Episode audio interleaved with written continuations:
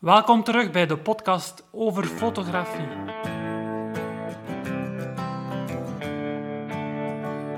De Nederlandstalige podcast, volledig gewijd aan fotografie.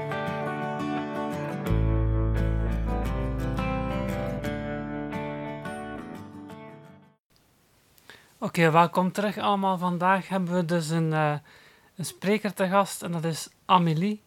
Amélie is ehm 15 jaar oud, gaat dus nog naar school en heeft als eh, voornaamste hobby eh, hockey, het spelen van hockey. Op, eh op rolls, inline skates. eh.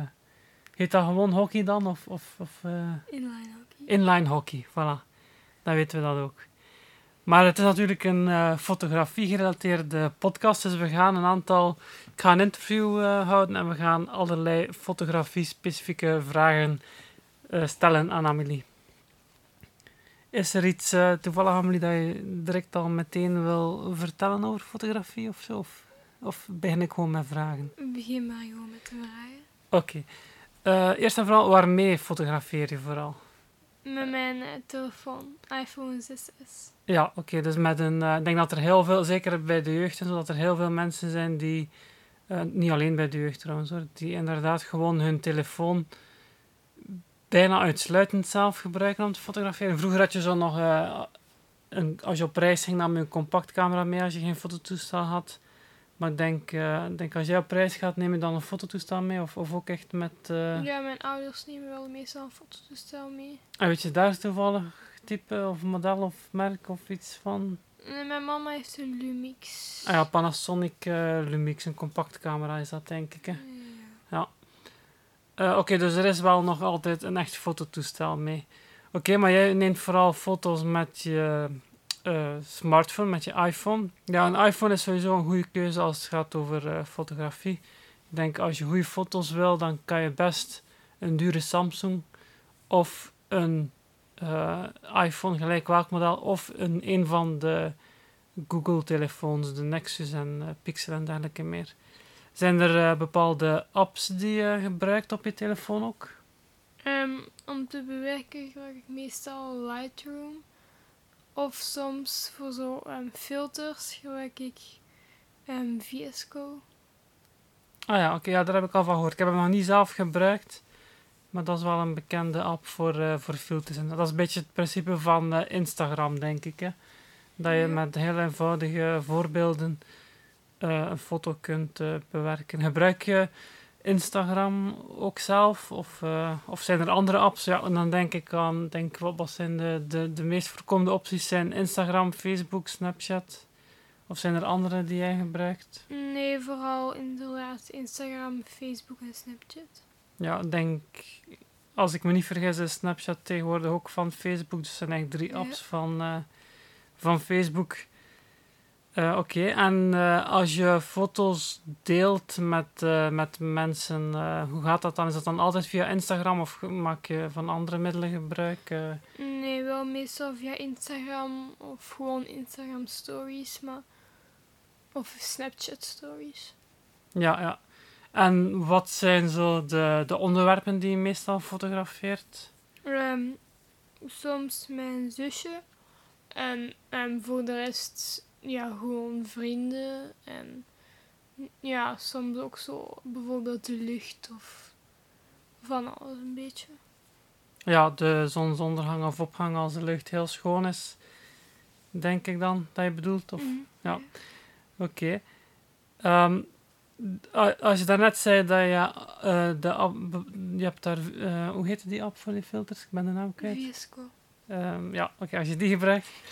Ehm, zijn er nog apps die, eh, en Lightroom zeggen, dus dat is echt een app om, om een foto heel specifiek te gaan bewerken. Bewerk je dan echt die foto eh, heel bewust, of is dat ook meer om de belichting goed te zetten, niet zozeer om... eh, Ja, soms om de kleuren wat beter uit te Ja. laten brengen en zo.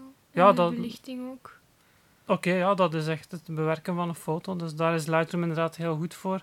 Op, ehm, op Android heb je ook nog eh, Snapseed. Ik denk dat je dat... Ja, op iOS ook trouwens. Op iOS kun je Snapseed... Heb je die ooit gebruikt? Of? Ik heb dat eens gedownload, maar niet echt. Ben je niet echt vaak gebruikt. Ja, het is een andere manier van werken. Ehm, maar op zich is het ook wel een heel, uh, heel goede app om foto's te gaan bewerken. En ze proberen ook wel een klein beetje zo het... Ehm, eigenlijk als je de app opent, Snapseed, heb je eigenlijk eerst uh, een aantal filters dat je heel snel kunt toepassen op je foto, zoals al die andere apps en Instagram. Maar je kan ook dieper um, in de tools gaan en dan een foto meer gaan bewerken, zoals je die zou gaan bewerken in bijvoorbeeld Lightroom. Oké. Uh, dus um, ik weet nu niet, ja, als je op je, je zegt al dat je op je telefoon vaak foto's neemt en foto's dan deelt via sociale media. Gebeurt het nog dat je foto's ook echt print? Dat je via een printer of misschien via de HEMA of een afdrukservice uh, of, of, of, van die kleine mobiele printers, gebeurt het dat je soms nog foto's echt print? Ja, wel nog heel vaak voor in mijn kamer op te hangen bijvoorbeeld. Of gewoon voor zo echt een foto, foto te hebben. Ja, print ik nog wel heel vaak foto's. Ja, oké, dat zijn dan voor ons 10, 15 of 9, uh, 13 klein, uh, klein formaat foto's. Oké. Okay. Uh, daarnet sprak je uh, van uh, delen van foto's, dat je Instagram en zo gebruikt. Maar als je nu een, een hele reeks foto's wilt delen, als je met school op reis geweest bent of zo, ik zeg maar iets, of met de hockeywedstrijd, dat je daar meerdere foto's van hebt, dan denk ik, gebruik, mag je daar niet gebruik van bijvoorbeeld iCloud of Google Foto's, waar je kunt een album maken en dan die link van de album gaan delen?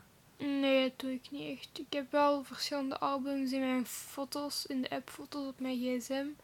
Maar niet echt voor een link of zo te delen. Ja, oké. En de, de foto's in uw library op uw telefoon, is dat dan, uh, gebruik je de Google Fotos Library of gebruik je de Fotos app van, um, van iOS, van Apple? Gewoon de Fotos app. Van Apple? Van Apple, ja. Ja, oké. En uh, maak je backups van je foto's? Um, mijn foto's worden zo automatisch um, opgeslagen ook op um, Google Foto's. Dus daar is wel een backup. Ja, dus via Google Foto's kun je inderdaad uh, synchronisatie maken van backups heel gemakkelijk activeren. Ook bij iCloud kan dat, maar dus via Apple. Maar ik geloof wel, voor iCloud heb je een beperking van ik denk is het uh, de eerste 5 gig of zo. En daarna moet je per maand of per jaar, ik ken de juiste tarieven niet, een bepaald bedrag betalen om meer foto's te kunnen uploaden. Bij uh, Google is het anders, daar kun je eigenlijk gratis uh, zoveel foto's uploaden als je wil. De beperking daar is niet in de hoeveelheid van data of van foto's, maar wel in de resolutie van de foto's. Dus wat dat Google doet is eigenlijk, um, ik denk dat ze de foto's verkleinen tot 16 megapixels, wat eigenlijk nog altijd meer dan genoeg is. En dat je... Um, dat je op die manier wel onbeperkte opslag krijgt. Maar dat is dus zo de, de kosten gaan beperken. Als je dan betaalt, wat je ook kunt doen bij Google trouwens, dan kun je wel de originele grootte van de foto's allemaal gaan uploaden. Dus dat is echt het verschil. Ik gebruik zelf ook uh, Google Foto's trouwens.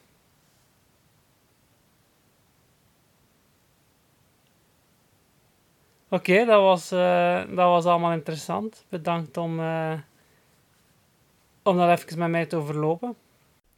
Zo, dat was het weer voor deze aflevering van de podcast over fotografie. Allemaal bedankt om te luisteren. Ja, als er vragen zijn, dan uh, mag je die altijd, of opmerkingen of uh, voorstellen van bepaalde onderwerpen of suggesties, wat dan ook. Je mag die allemaal doorsturen via e-mail naar hans.hcpl.be. Dus Hans is mijn voornaam. Uh, eh, HCPL spel je Hotel Charlie Papa Lima. En .be is uh, de domeinnaam voor België. Dus uh, altijd welkom. Ik doe mijn best om alles te lezen en te beantwoorden. En indien mogelijk verwerk ik natuurlijk ook alles graag in de podcast. En dan zal ik je naam zeker, je voornaam zeker vermelden. Dus uh, tenzij dat je natuurlijk vraagt om anoniem te blijven. Dus dat was het voor deze aflevering. Bedankt voor het luisteren en graag tot de volgende.